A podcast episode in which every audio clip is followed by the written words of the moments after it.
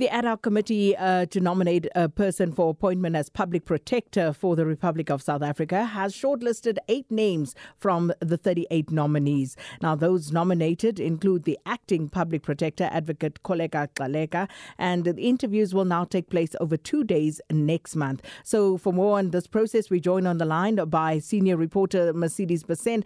Uh, what transpired, and uh, of course, uh, whether the process is now complete. Uh, those eight names, is that it?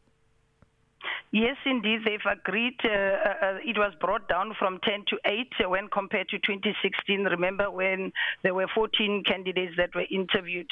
But the EFF says it was hoping that there should have been more because you don't know if some will uh, meet the criteria in the process because what might be on paper or in the CVs and in the reality might differ. So, uh, uh, uh, uh, we've seen there, you know, there's quite a number of them. When we're looking at uh, uh, the likes of uh, Luka Maine, when we're looking at the pattern here, it is very in- there's a very interesting candidate who is uh, uh, topping the list. That's uh, Mubango Luka Maimani, and she is currently the pension fund adjudicator.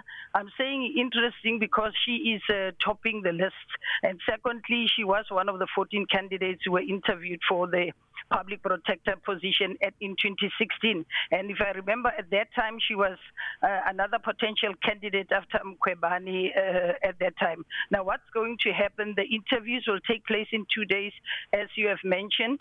Uh, and if you remember, in 2016, it took place on the 11th of August uh, until the early hours of the next morning. And uh, those candidates had to be locked in a room in Parliament.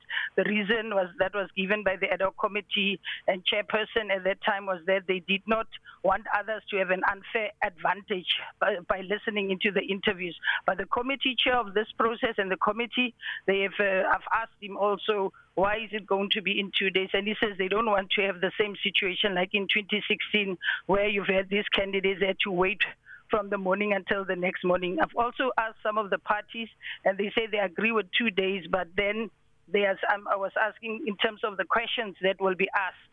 Uh, they said, no, well, there will be different questions asked, you know. So those who are on the first day, they would be able to listen to the interviews because these interviews will obviously be streamed live. And this will be the second time that we have these public interviews. But maybe just before closing, uh, uh, the DA says uh, they are actually agreeing with the eight names, but they still have issues with a few candidates. And I asked who might those be. They don't want to. Uh, the EFF obviously is open that they don't want Koleka Galeka, the current acting public protector. And the DA says they will make their voice heard during the interview. And also something I, I must highlight this very interesting.